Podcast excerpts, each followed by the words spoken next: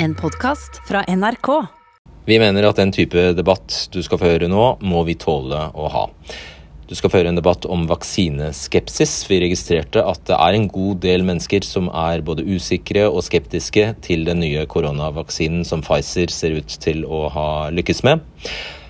Eh, og meningsmålinger tyder vel også egentlig på det. En Ipsos-undersøkelse for Dagbladet sier at fire av ti er, eh, ikke ville ta vaksinen i dag. En annen undersøkelse viste at tallet var 18% som ikke ville ta den, og bare 60% som sa de ville ta den. Så um, det er ingen tvil om at uh, det er en del usikkerhet. Samtidig så må vi som redaksjon balansere det opp mot et flertallsønske, selvfølgelig, om at dette går bra, at de, så mange som mulig vaksinerer seg. Og vi skal jo heller ikke bli tatt i å spre unødvendig usikkerhet og utrygghet rundt vaksiner.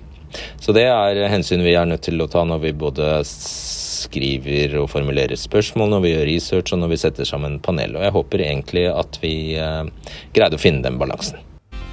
Faktisk sier fire av ti i en undersøkelse at de ikke vil ta koronavaksinen nå.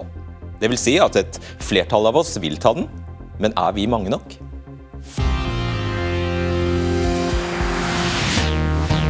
vet de som vil ta den, hva de faktisk får sprøytet inn i kroppen? Det er blant spørsmålene vi skal forsøke å få svar på. Vel møtt til debatten.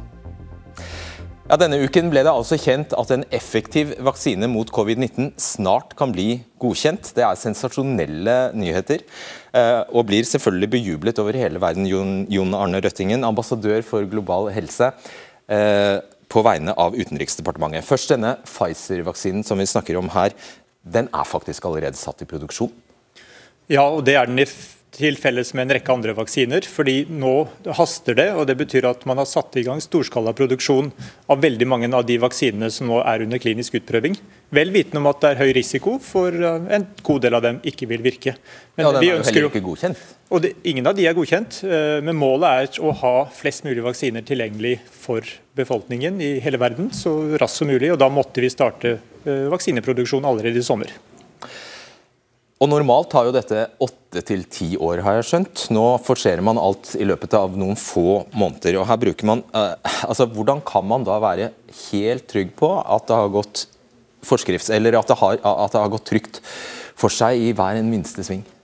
Nei, det er ingen uh, det er ikke mange svinger. Eh, det er viktig å være tydelig på at her er det veldig grundige prosesser som gjennomføres. Men istedenfor å gjøre det etter hverandre, så har man gjort mye samtidig og i parallell. Eh, og Behovet for det er jo at vi har store behov i verden for å kutte ned tiden det tar å utvikle en vaksine.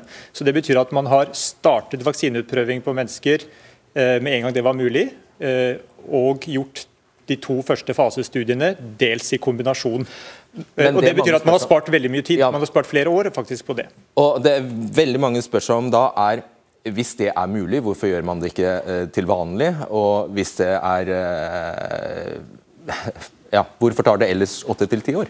Nei, Det handler om ressurser. Menneskelige ressurser, myndigheters kapasitet, legemiddelfirmaenes kapasitet, andre alternative muligheter som også tar tid. Men nå har man satt alle kluter til for å få det til, og da er det mulig å levere mye raskere.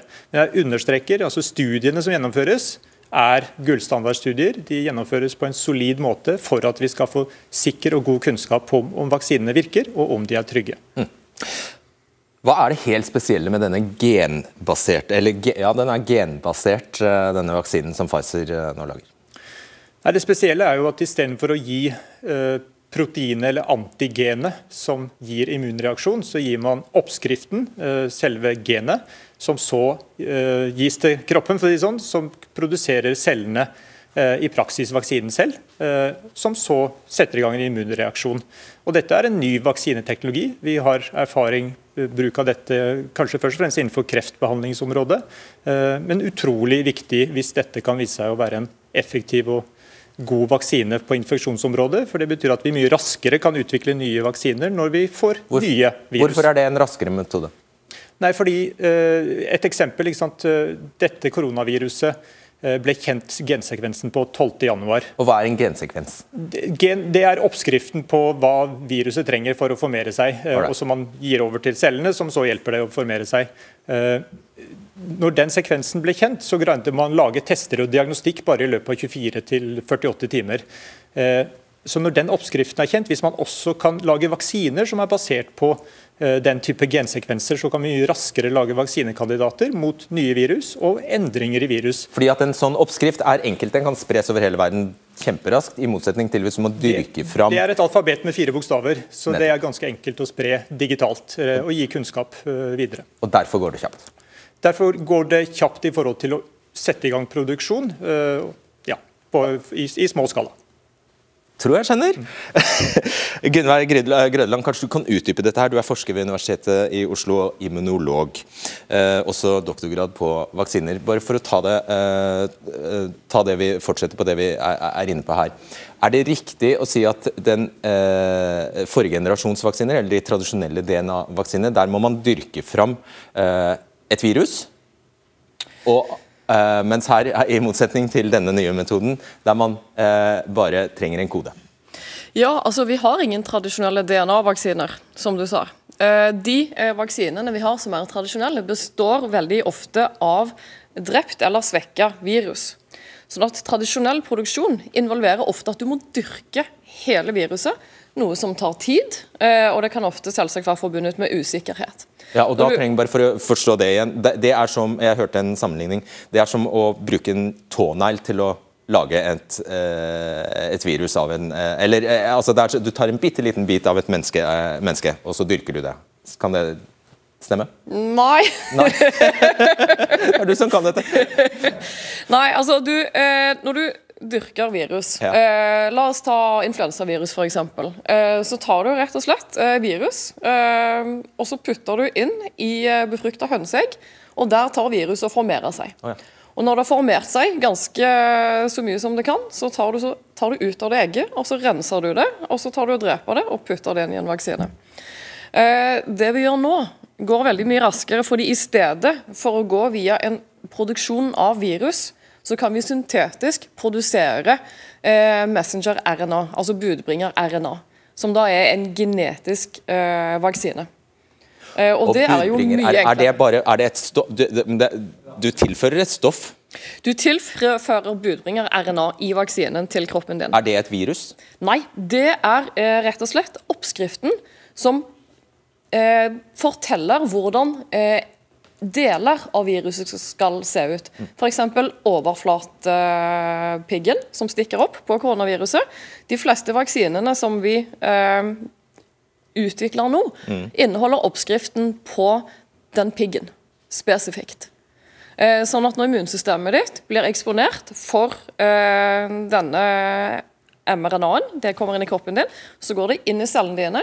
og Så tar cellene dine opp det eh, vaksinen og så bruker den maskineriet som eksisterer i cellene dine, til å lage disse piggene på korona. Men det betyr at det først lages koronavirus inni kroppen, og så gjør det ikke? Nei, det lages kun denne piggen.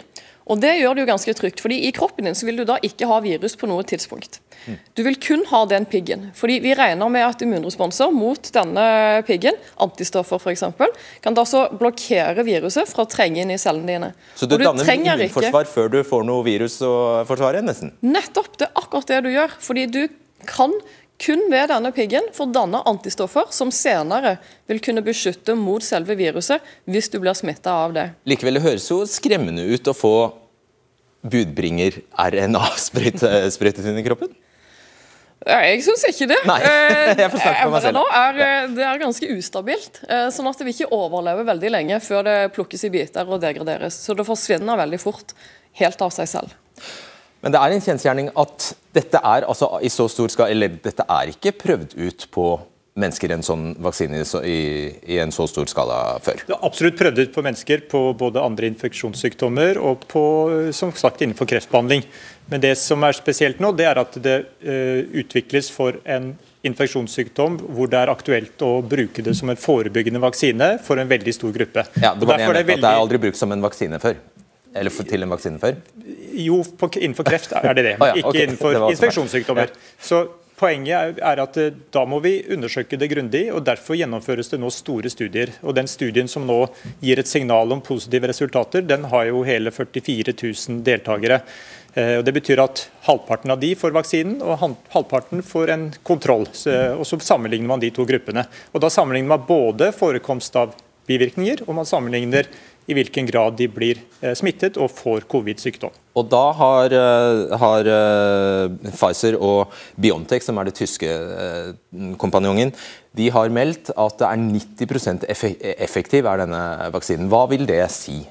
Ja, det betyr at det de også har sagt er at det er oppstått 94 tilfeller av covid-sykdom i denne studien totalt sett. Og så har de ikke sagt hvor mange som er i kontrollgruppen og hvor mange som er i vaksinegruppen. Men gitt at de samtidig sier at det er minst 90 eh, effektivt, så betyr det at de aller fleste tilfellene har oppstått i kontrollgruppen, de som ikke har fått vaksine. Og vi kan beregne at kanskje en 5-6-7 tilfeller maks har oppstått blant de som er vaksinerte. Og Da ser man forskjellen i andeler som blir smittet og får sykdom i de to gruppene, og kan beregne den relative effekten. 90% som er en veldig god vaksineeffekt og derfor et veldig lovende resultat, siden som det sies her, ikke sant, andre vaksinekandidater er målrettet mot den samme eh, proteinet. og Derfor er det også stor sannsynlighet for at andre vaksiner vil virke. Ja, og jeg har skjønt at Forskere verden over ble, eh, altså, de trodde knapt det de så da de hørte dette tallet, eh, eller da de så dette tallet 90% for det er veldig høyt. Uh, usedvanlig høyt? Nei, det er, ikke, nei, det er det ikke. Altså, vaksiner er tredje Har jeg sagt noe rett i kveld? ja, men det, dumme spørsmål er ja, de beste. Eh, mm. Så det er, jeg tenker det er, viktig, det er viktig, og De fleste vaksiner vi bruker, har en høy effektivitet. Vi var bekymret for at det ville være vanskelig å lage vaksiner mot denne sykdommen. Vi var veldig glade, men ikke overrasket over at det har en slik effekt. Men så må vi først vente på at vi får endelige resultater i begynnelsen av desember. Og så må vi vente også på resultater fra de andre vaksinestudiene. Og så bare, hva, hva, denne Sputnik, øh, den russiske, den øh, går flyende om at den er enda mer effektiv? Ja, det, det, er jo interessant, for det er jo litt en propaganda- og kommunikasjonskrig dette her også. Eh, et par dager etterpå så var det en Twitter-melding som indikerte at den, vaksinen var 92% effektiv. Men med bare 20 tilfeller totalt rapportert i den studien. Det betyr at den usikkerheten i det, den beregningen er veldig stor. Uh, og det er fremdeles sånn at uh, Nordmenn vil ikke rådes til å Dere kommer ikke til å kjøpe inn lass av Sputnik-vaksinen til oss?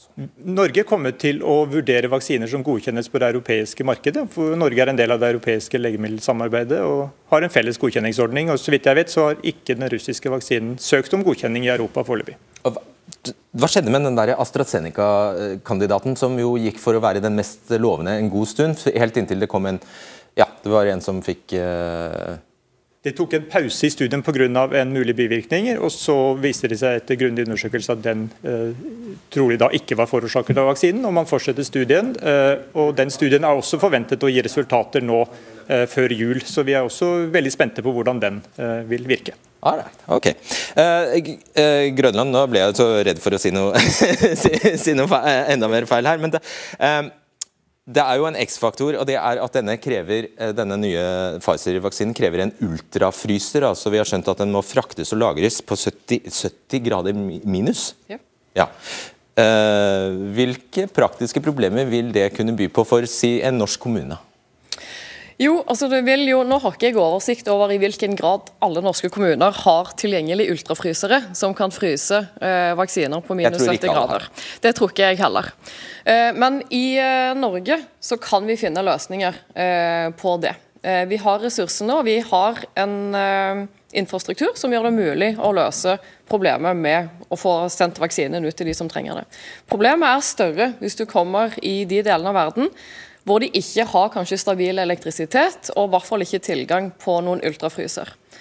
Eh, sånn at det vil for denne vaksinen være et reelt problem hvordan du distribuerer den, spesielt når du kommer i områder utenfor eh, Europa.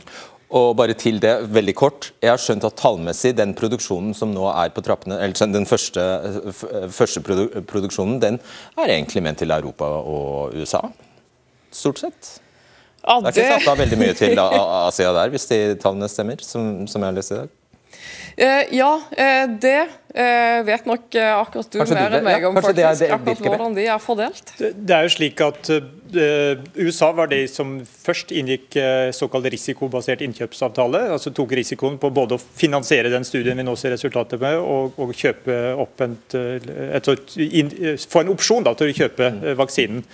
Eh, Europa har inngått tilsvarende avtale. Eh, og det eh, er et tilbud nå til det internasjonale vaksinesamarbeidet, Covax, om også en, en, avtale på en stor antall doser av de som vil bli tilgjengelig i produksjon i Europa. Men det er ikke uriktig at det meste går til industrialiserte land, i hvert fall? Det, det er ikke uriktig. Og så er det dilemmaet, som sagt, og som du var inne på, at kuldekjede kravet gjør det mer krevende å vaksinere i utviklingsland. og Derfor håper vi jo at noen av de andre vaksinekandidatene vil vise seg å være like effektive og dermed eh, lettere å bruke i den settingen. Det aller siste spørsmålet til deg handler handler hvor lenge, altså Er det noe poeng for en, en person som allerede har hatt covid, å ta denne vaksinen?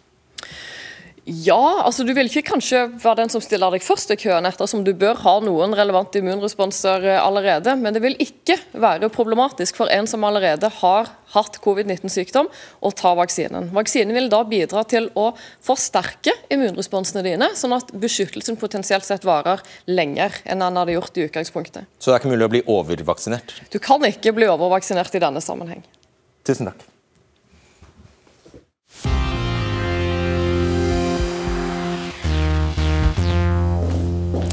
Da skal vi få inn et uh, nytt panel her, som består av Sølje Bergman, Sigurd Nes, Ingeborg Senneset og uh, Preben Aavitsland, som er med oss fra Kristiansand, og Bent Høie.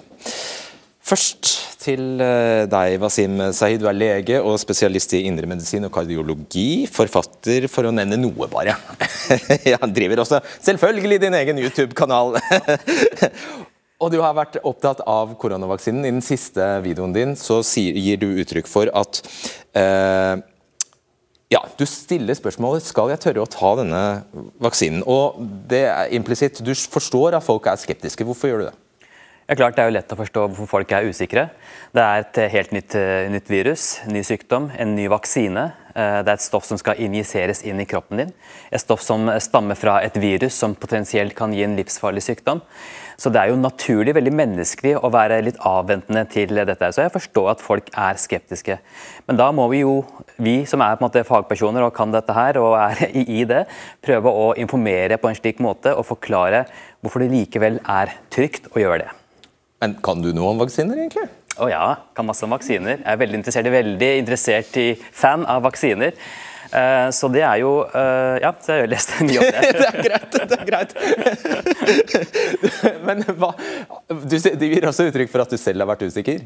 Hvorfor det? Ja, altså, eh, Jeg er jo lege og har forskerbakgrunn, så det ligger jo i ryggmargen min å være avventende og skeptisk til alt som er nytt av behandling, medikamenter, også vaksiner.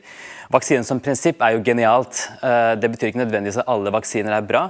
Eh, så jeg er jo avventende til nye ting inntil jeg ser god vitenskapelig dokumentasjon på at de virkelig fungerer. Og Hva var det som gjorde at du da falt ned på beslutningen om at du mente dette var trygt? Det er jo denne studien som nå er eh, gjennomført, eller er underveis, eh, av Pfizer og Biontech, hvor de har gitt vaksinen til i hvert fall 22 000 mennesker, og rapporterer at de ikke har sett noen alvorlige bivirkninger. Det betyr jo at hvis det finnes noen bivirkninger her, så er de i hvert fall svært sjeldne. Og Det er en god indikasjon på at denne vaksinen er trygg. Og Det gjør jeg. Det gjør at jeg, at jeg tenker at dette er godt nok for meg, og jeg vil gjerne ta den vaksinen for å beskytte meg mot det som er alternativet, jo det er covid-19-sykdom. Mm. Uh, vi har selvfølgelig ikke noen garanti. Du har ikke noen garanti? Nei, Garanti har man jo aldri innenfor medisinske verden, men noe usikkerhet må vi jo akseptere. Det er jo aldri helt sikkert med det vi driver ellers i hverdagen heller, så sånn er det jo. Ja. Eh, jeg tror bare å si takk eh, før jeg stiller enda dummere spørsmål. Takk skal, takk skal, du ha. Takk skal du ha. Ok, Sølje Bergman, du er skuespiller, har deltatt i denne vaksinedebatten i en årrekke. Velkommen tilbake, får jeg si. Manesjen. Ja, det, takk skal du ha. Hva er grunnen til at du er skeptisk til vaksiner? Ja, Takk for at du sier skeptisk, eh, Fredrik. fordi eh, det er Bevisst viktig ordvalg, for meg. Faktisk, ja. Ja. Bevisst ordvalg, sier jeg. Ja. Ikke sant? Fordi det, jeg, jeg, har fått litt eksempler som en vaksinemotstander, som jeg ikke er. Så det er viktig faktisk å presisere for uh, å holde også debatten på et sunt og adekvat plan.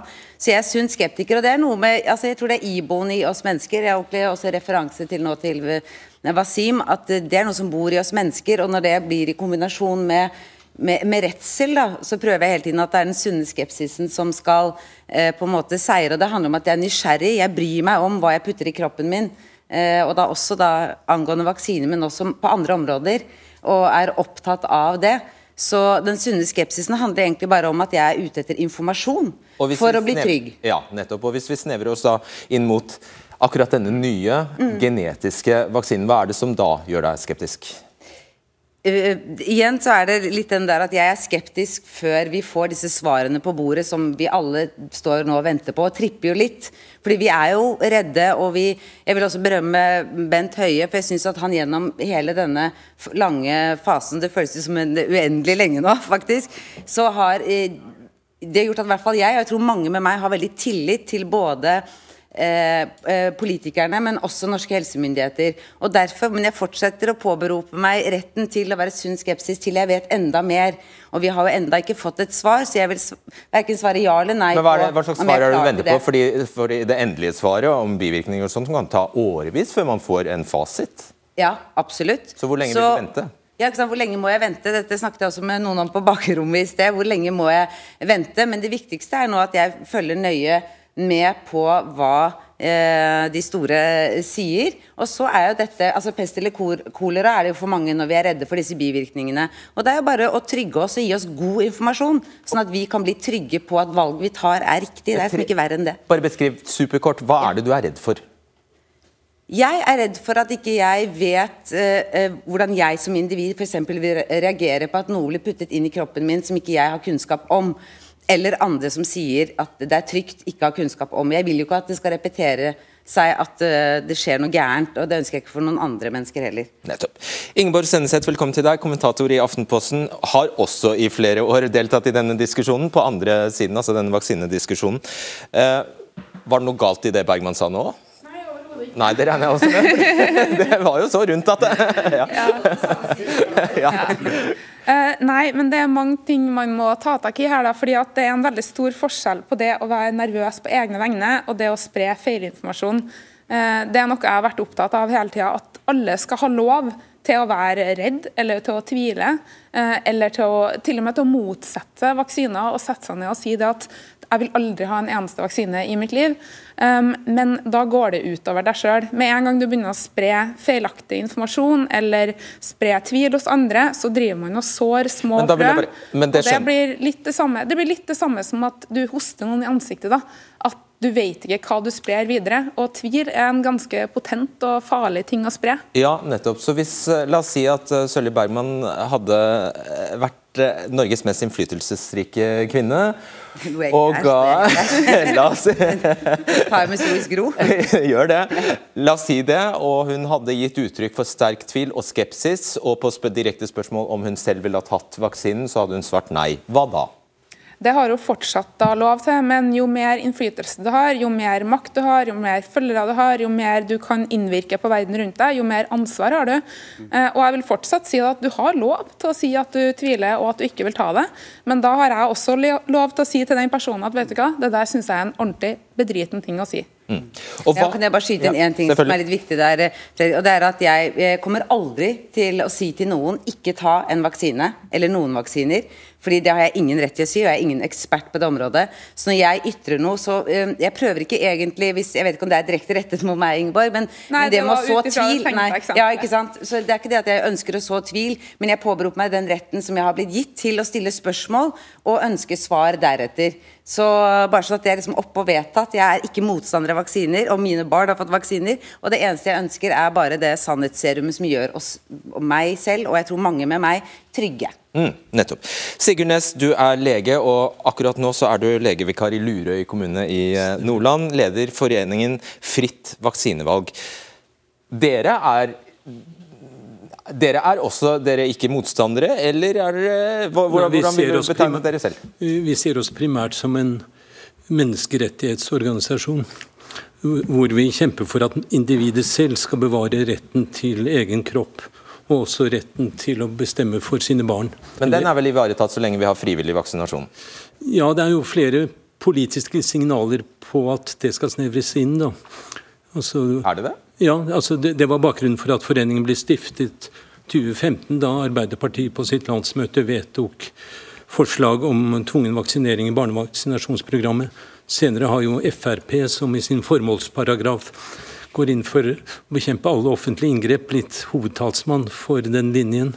Og Sveinung Stensland i Høyre også er ymte frempå, da, men er litt mer tilbakeholden. Men, ja, men, men, men ja. sånn sett at det, det, det, Hvis du snakker om nå, da, så er det jo ingen som har sagt, sagt noe om tvang. Eh, bortsett fra Fremskrittspartiet, faktisk. De har, de, når, du, når, du, sier det, så har de ja. faktisk ymtet frampå om det. Men glem det, da. Eh, la oss snakke om koronavaksinen. Hva er, eh, hva er ditt råd når det gjelder den? Nei, jeg, jeg, har jo ikke forutsetninger til å gi råd i en eller annen retning, men jeg reagerer veldig på at man angreper skepsis og tvil. Det er jo det grunnleggende i hele den vitenskapsprosessen vi har stått i siden 1700-tallet, og er grunnleggende i den vitenskapelige prosessen. Så det å ytre en faglig begrunnet skepsis, det, det jo, gjelder jo på alle fagområder. Vil du selv ta denne vaksinen? Nei. Hvorfor ikke? Nei, altså Jeg anser vaksinen som høyst eksperimentell. Den er hasteutviklet. Er Godkjennelsesprosessene er på nødparagrafer, holdt jeg på å si. Og så er det en helt ny vaksineteknologisk plattform som man nesten ikke kan kalle vaksiner etter god gammel oppskrift. Hvor man bruker genmodifiserte prinsipper som skal manipulere med cellene våre til å skape det antigenet som immunapparatet skal reagere med. Og Hva er du da i ytterste fall reddest for? Altså, Når vi går helt til koronavaksinene, så er det at man har valgt ut dette spike-proteinet, pig-proteinet, som målgruppe for veldig mange av vaksinene, ikke alle vaksinene som er under utvikling, det gjør, er kan i verste fall skape autoimmune sykdommer fordi dette spike-proteinet har 70-80% identitet med menneskelige proteiner. Så hvordan immunapparatet Man kan vekke det til en immunologisk reaksjon som kan også rettes ikke bare mot viruset, men også mot egne proteiner. Og der kommer perspektivet inn at to måneders observasjonstid vi burde hatt ti år observasjonstid. Jeg skjønner. Eh, jeg hadde tenkt å gi deg ordet, Bent Høie, men siden dette var av eh, en medisinsk eh, art, så skal du få slipe, statsråd. da er det Preben Aavitsland, du er overlege, epidemiolog og kommuneoverlege i Arendal og Froland. Kan du bare svare på det, på det som blir sagt her? Ja, Først vil jeg jo si det at at jeg er veldig glad for det som både Bergman og Nes sier, at de er skeptiske nå. For det at vi vet jo så lite om de vaksinene som kommer. Når vaksinene er godkjent av de uavhengige legemiddelmyndighetene, så skal vi gi all informasjon som de trenger. Da er det vår oppgave, når folk stiller spørsmål, så er det vår oppgave å gi svar på de spørsmålene, sånn at folk kan ta et informert valg om de vil vaksinere seg eller ikke. Det er frivillig, og, og, og det er gratis. Men jeg syns det er feil å kalle de vaksinene vi skal bruke for eksperimentelle. For når de vaksinene blir godkjent, ja, da er jo eksperimentene ferdig da. Da er man ferdig med disse utprøvingene, og så blir vaksinene godkjent hvis de har bestått disse eksperimentene. Da er de ikke eksperimentelle lenger, da er det godkjente legemidler. Er det, er det en berettiget eh, frykt, dette, dette som handler om autoimmune sykdommer? Jeg, jeg syns ikke det. For vi skal huske på at mange millioner mennesker har hatt denne sykdommen. Og da har immunforsvaret reagert på dette, denne piggen som er på viruset, og, og lagd antistoffer mot den. Og de antistoffene hos disse millioner av pasienter de har ikke ført til autoimmune sykdommer. Men så er det selvfølgelig sånn at med et nytt legemiddel så kan man jo ikke helt garantere at ikke det er noen sjeldne bivirkninger. Det, det kan ingen gi garanti for. Men alle disse studiene som nå utføres på titusener av pasienter, tyder jo på at det, det ikke gir noen farlige bivirkninger. Nettopp. Kort replikk til det også, Høie.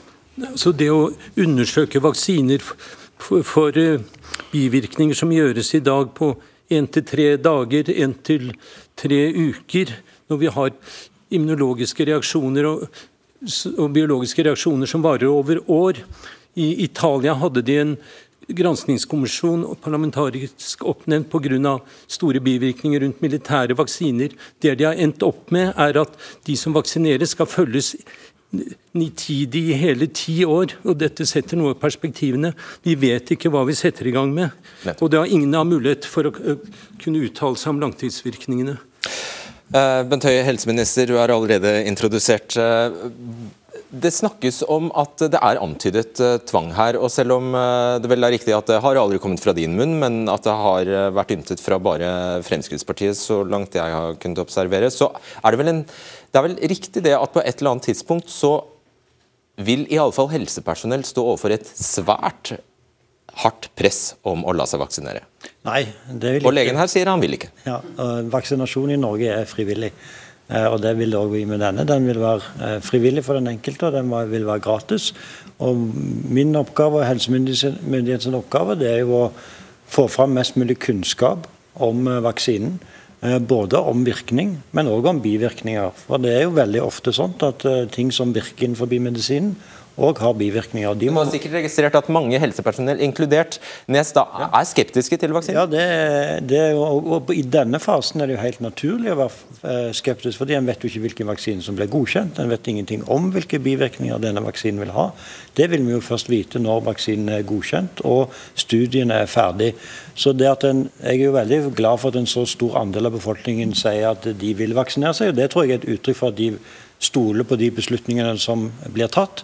Og så er det en, en, er også en stor andel som sier at vi fortsatt er skeptiske. Det er også veldig sunt. For de vil nok tenke seg at jeg vil først se hva dette er. Og Så er det jo sånn at eh, så må jo den enkelte gjøre opp et valg på, på vegne av seg sjøl. Eh, er det viktig for meg å bli beskytta mot den sykdommen som nå er i samfunnet vårt? Og så må man òg gjøre et valg på veien, i en solidaritetstenkning. For dette å ta en vaksine er ikke bare et valg du tar på egne vegne. Det er òg et valg du tar fordi du vil være med på å beskytte gjerne noen som tåler denne sykdommen dårligere enn deg sjøl. Og hvor mange prosent er det man sier, eh, sier, at man tror uh, må være vaksinert, eller uh, ha oppnådd immunitet for at den skal fungere, da? Ja, det, nå er det jo sånn at Vi som sagt ikke kjenner hvilke vaksiner som blir godkjent, så jeg, jeg kan ikke gi et eksakt tall på det. Men normalt sett så vil vi jo ønske i denne situasjonen at gjerne om lag 70% av den voksne befolkningen vaksinerer seg. og Det har vi ikke i utgangspunktet hatt noe utfordringer med i Norge. I Norge er det stor oppslutning av de vaksineprogrammene vi har. det er jo en normalsituasjon, kan man kanskje si? Altså, jo da, men eh, jeg opplever jo at òg eh, i en unormal situasjon som vi er i nå, så ser òg folk veldig tydelig eh, nytten av en vaksine. fordi Alternativet kjenner vi jo nå veldig godt. Eh, det er jo å leve i et samfunn med veldig begrensa frihet, og der mange mennesker lever i en høy risiko for å få en sykdom som òg er dødelig. Preben Aavesland, det, det jeg har registrert er at en stor del av skepsisen Eh, I en stor del av skepsisen så vises det tilbake til erfaringene fra svineinfluensaen. og Der er jo fasit foreløpig at 150 personer i Norge bare har fått eh, medhold hos Norsk pasientskadeerstatning for Pandemix-vaksinen, eh, eller for bivirkninger fra Pandemix-vaksinen. Det er utbetalt 350 millioner kroner. Hvordan kan man vite at sånt noe ikke skjer igjen? Det kan man ikke vite. Men vi vet at ved Eh, vaksiner er veldig sjeldent at det er alvorlige bivirkninger. Den forrige store eh, katastrofen av, det, av den typen som var i 2009 med Pandemrix, det var på 50-tallet med en Eh, med en poliovaksine. Så heldigvis, vi har jo her i landet introdusert flere nye vaksiner siden 2009, og vi har nye influensavaksiner hvert år. Og vi, vi ser jo ikke sånne alvorlige bivirkninger, heldigvis. Så det er noe sjeldent ved Det har jo tross alt skremt vannet av tilstrekkelig mange, da? Eller mange? Ja, og, og det kan man jo forstå. Det, det, er ikke noe grunn til å legge skjul på det. At det var en, en katastrofal hendelse, og spesielt for de som ble ramma. Vi regner jo ikke med at det skal skje igjen, men en kan jo ikke utelukke at det er veldig sjeldne bivirkninger ikke blir oppdaga i disse utprøvingene. Men så vil jo antagelig, når vi tar i bruk vaksinen her i Norge, så kan det godt være at det er noen millioner eh, amerikanere som allerede er vaksinert. Eh, og da vil vi nok ha oppdaga hvis det skulle være noe alvorlige bivirkninger. Ja, de har vært prøvekaniner da, Okay, Bergman?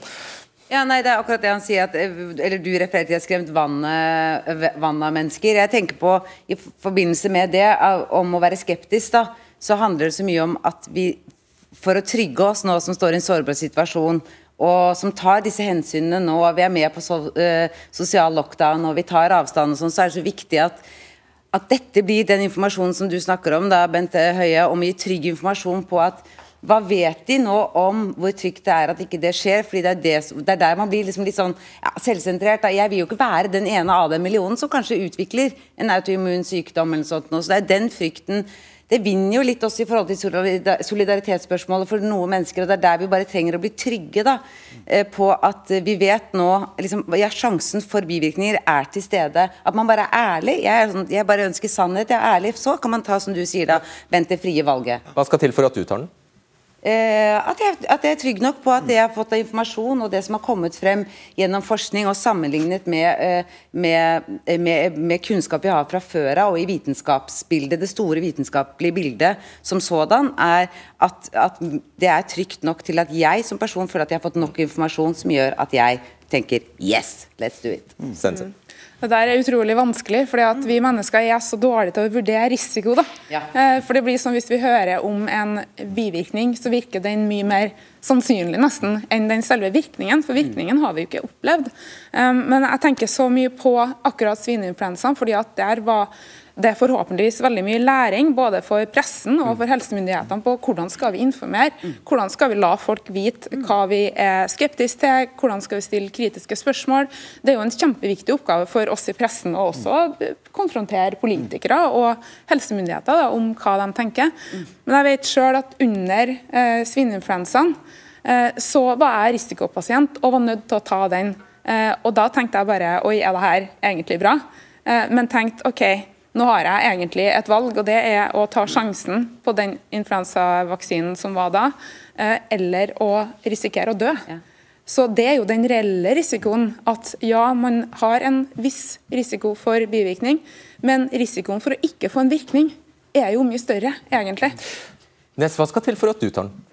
Det skal veldig mye per i dag. Og det er veldig mange store internasjonale forskere som er veldig bekymret for den nye eksperimentelle vaksineplattformen på nåværende tidspunkt. Hva, betyr, hva, mener du med den eksperimentelle vaksineplattformen? Ja, altså Den vaksinen må kalles som eksperimentell. Den har aldri hatt noen markedsføringstillatelse. Denne teknologien? Vært... Ja, det det ja okay. og det er den vaksinen. Men, men det, det, kanskje mest bekymringsfulle er at tidligere forsøk med SARS-virusvaksiner, som tilbake til 2002, når forsøksdyrene de har tålt vaksinen, men når de så i neste omgang har blitt eksponert for de virusene de skal være beskyttet mot, så får de sammenbrudd og død og massesykdom. Og Det har vi ingen garanti for. og Det hadde vært interessant å høre Aavitslands perspektiv på mm. det. Ja, det skal du faktisk få. Det, det er jeg enig i. Aavitsland, vær kort. Mm. Ja, eh, denne vaksinen som vi snakker om her, er jo blitt gitt til 22 000 eh, forsøkspersoner nå. Og det har ikke vært registrert noe massedød hos de. Har de vært eksponert for koronavirus? Det vet du ikke. Jo, det er jo det studien som går ut på. Nå er, Foreløpig er det jo over 100 stykker av de som har vært eksponert for viruset. Det har ikke vært noe massedød blant de. Gir du det? Nei, jeg gir meg ikke. For det, det, er, det er, en sånn ekstremt teknokratisk hyllest rundt disse vaksinene, nei, men, hvor miljøet for å komme med en begrunnet kritikk eh, eh, for svært dårlige vilkår, og en viss ydmykhet for det vi ikke vet.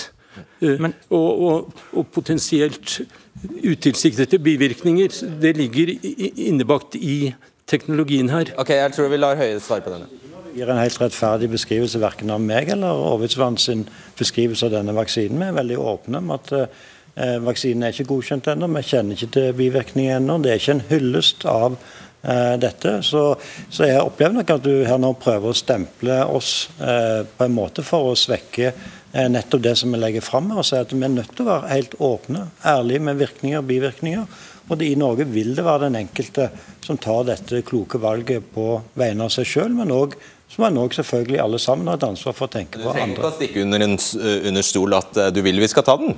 Eh, hvis vi får en godkjent vaksine som vi anbefaler, så er det jo ønskelig at flest mulig tar den. Men vi vil ikke bruke tvang på det. Det er et valg som den enkelte skal gjøre. Og det er min oppgave og Overtlands oppgave å legge fram faktagrunnlaget på en best mulig måte, sånn at den enkelte kan gjøre et godt valg. Og så håper jeg at de som er skeptiske, og bruke argumenter fra sin skepsis. Legge fram eventuelt motdokumentasjon som kan svares på, og ikke eventuelt bruke anledning til å tegne opp noen skremmebilder som det ikke eventuelt er grunnlag for. Jeg merker vi kunne ha fortsatt, men har, tiden har løpt fra oss. Takk skal dere ha. Tusen takk. Siste del av debatten skal handle om norsk moral, eller dobbeltmoral. For hvem er det ikke som til stadighet skryter av å være verdensmester i utviklingshjelp, i vaksinestøtte, og som blir håndplukket til å lede arbeidet med å fordele koronavaksiner på en rettferdig måte i verden? Jo, det er selvfølgelig lille Norge. Men hva gjorde Norge da India og Sør-Afrika forleden foreslo at koronamedisiner og vaksiner skal unntas de vanlige patentreglene og beskyttelsen eh, altså at fattige land skal få oppskriften fra legemiddelselskapene, sånn at de kan sette i gang produksjon veldig raskt? Jo, da stemte Norge forslaget ned, sammen med USA, EU og de andre rike landene. Hva vil du eh, kalle dette her, Erling, Erlend Grønningen, feltlege for Leger uten grenser og ph.d.-student ved Senter for internasjonal helse ved Universitetet i Bergen? Utviklingsministeren var jo i starten av pandemien sitert på at dette kommer til å bli en test for global solidaritet. Og Nå får vi se hvordan det ligger an. da. Bakteppet her er verdt å ha med seg. Sør-Afrika er jo et av landene som var eh, virkelig hardt angrepet av hiv-aids. Medisiner var utviklet i, fra midten av 90-tallet, var tilgjengelig i Afrika på starten av 2000-tallet. Det gikk fem-seks år der hvor medisiner var priset for høyt til at de var tilgjengelig på det afrikanske subkontinentet og det er estimert at 11 millioner mennesker døde av hiv-aids. Hva gjorde Sør-Afrika? Den gangen så valgte de da å gå til Verdens eh, handelsorganisasjon, og de sa vi kan ikke akseptere patenter, vi må få lov til å produsere medisinene, kjøpe kopipreparater. Prisen på behandlingen gikk den gangen ned fra 10 000 dollar i året til en dollar om dagen. Sør-Afrika sitter nå sammen med utviklingsministeren her i noe som heter ACT-A, som egentlig er et forum for å finansiere vaksiner, covid-medisiner, til lavinntektsland. Men parallelt med dette så ser jo de dette er ikke nok. De går til Verdens handelsorganisasjon. Så da mens utviklingsministeren her sitter og forhandler med Sør-Afrika, helseministeren er, i dette akt A, så sier de samtidig dette går ikke.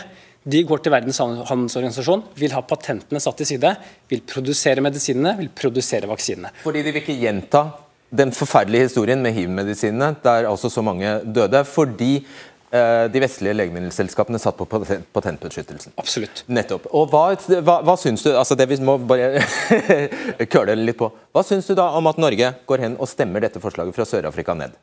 Kort. Ja, De tilbakemeldingene vi får da, vi er jo en internasjonal humanitær nødhjelpsorganisasjon. Vi jobber med covid i Latin-Amerika, i Afrika, i Asia, i Europa, i Norge. De tilbakemeldingene vi får, er en skuffelse over Norges rolle. Når det er snakk om solidaritet fra utviklingsministeren, så er det ikke de tilbakemeldingene vi får på Norges handlinger internasjonalt. Dag Inge Ulstein, utviklingsminister fra eh, KrF. Det stemmer jo det at du sitter jo sammen med eh, Sør-Afrika eh, i dette rådet. Men Sør-Afrika mente altså her at det var deres egen, til deres eget beste og til deres innbyggeres beste at Norge stemte motsatt av det vi gjorde. Hvorfor gjorde du det da? Det har vi hatt gode samtaler med Sør-Afrika i dag. også. Det kan jeg tenke meg. Så det er i hvert fall ikke tvil om. Og det er jo nøyaktig det samme målet vi har. Og jeg deler bekymringa. Og det er bakgrunnen for at vi jobber døgnet rundt. For å sikre tilgang, for å få på plass de modellene, for å ha finansiering, for at det er kapasitet til produksjon, og for at det er kvalitet i de vaksinene, testene og medisinene som kommer. At det ikke blir et A- og et B-lag. Så, så, det er utgangspunktet. Men du vet like godt som oss at det ville ikke blitt konsensus. Situasjonen både politisk og hvordan situasjonen i WTO er at det kunne vært et symbol. Det kunne vært symbol, Vi har ikke tid til symbolpolitikk. Det er nettopp derfor vi jobber, for å få oversikt hvor kapasiteten er. La meg bare oversette. Jeg avbryter deg der. Altså, eh, Verdens handelsorganisasjon er skrudd sammen sånn at for å få til en så dramatisk, egentlig omkalfatrende endring som det er, så må alle landene være enige. Det er helt utopisk at alle landene i WTO, altså verdens rike og fattige og mellominntektsland, ville ha blitt enige om Riktig. det. og Det er da du sier da så det, Dette var symbol, hadde det blitt full klinsj mm. i den mest akutte fasen, der vi trenger å ha alle fortsatt rundt bordet, der vi trenger å ha maks hastighet for å utvikle det, og at vi trenger å få mobilisert Men Kunne ikke Norge da symbolsk sett ha stilt seg på den riktige siden? da? Vet du hva, Jeg hadde samtale i går med tyske handelsministeren. Vi har i dag samtaler med, med den franske og med de sørafrikanske. Vi sitter nå og jobber med å se Jo, fordi vi sitter nå og ser på hvordan vi kan, sånn? vi sitter og ser på hvordan vi kan forankre et forslag som faktisk gjør at vi kan utfordre industrien til å dele det som heter immaterielle ja, men hvorfor Stemte vi sånn? Jo, fordi at det ville ikke tatt oss videre. Det er faktisk det at vi sitter og jobber med at vi får oversikt over den kapasiteten som er. Og det er faktisk sånn at vi er ikke 1999, heldigvis. Og så er, Vi skal følge utrolig tett på. Moderna, et av de amerikanske selskapene, la meg få til å si de to tingene her, Fredrik. Hør her. Moderna da, har sagt at de vil gi bort patentrettighetene sine til 112 land, slik at lavinntektsland har mulighet til det. Vi ser at eh, AstraZeneca vi snakker om i dag, Novavax og andre, alle de ni kandidatene som vi investerer gjennom CPI, der ligger en sånn prismekanisme som sikrer medisinene dit. Og så har en etter 99 så har en faktisk lagd en sånn fleksibilitet innenfor WTO, som er på en måte en tripsmekanisme, som det heter. Så Vi skal følge det tett opp, og så er det også mulig å tvangslisensiere det hvis det viser seg at det faktisk slår til. Ja, disse argumentene som utviklingsministeren legger fram her, har jo Leger uten grenser hørt i 20 år. Det nye er at dette kommer fra utviklingsministeren og ikke fra legemiddelindustrien. Gjennom vår Access-kampanje så har vi kjempet for å gjøre vaksiner og medisiner tilgjengelig til fattige folk i verden i over 20 år. Dette er de samme argumentene vi har hørt gang på gang på gang. Dette har vært aktuelt for hepatitt C, det har vært aktuelt for ebola, og det er nå aktuelt for COVID-en. Vi hører de samme argumentene resirkuleres. Og hva skjedde i 2001? Sør-Afrika sto alene. De valgte å bryte disse patentlovene, kjøpe kopimedisiner. Hva var konsekvensen? En samlet legemiddelindustri ønsket å trekke de for retten, og ga seg ikke før det var nærmest opprørsstemning i Afrika. Og nå har du et halvt minutt å svare på. Jeg står i den kritikken fordi at Det viktigste nå er at vi sørger for en, å få oversikt over produksjonskapasiteten. India og noen andre land kommer til å være ekstremt viktige. De selskapene som allerede har gitt fra seg de rettighetene.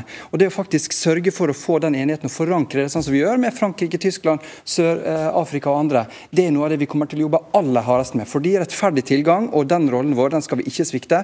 Og, og det er resultatet eh, som er eh, det viktigste her, ikke symboler. som vi kommer med. Alright. Takk for at dere kom. Takk skal dere ha. Uh, og Jeg vet ikke med deg, men jeg har i hvert fall fått svar på en del spørsmål jeg hadde rundt denne vaksinen. Først, ja.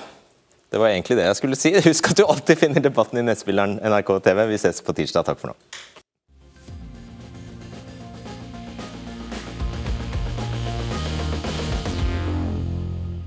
Ja, jeg har som alle har skjønt ikke grunnfag eh, i immunologi. Det er eh, åpenbart. Håper vi kan lande på et tema der eh, kompetansenivået i redaksjonen er noe høyere neste gang. Neste mulighet for å drite seg ut er på tirsdag. Ha det bra. Du har hørt en podkast fra NRK. Hør flere podkaster og din NRK-kanal i appen NRK Radio.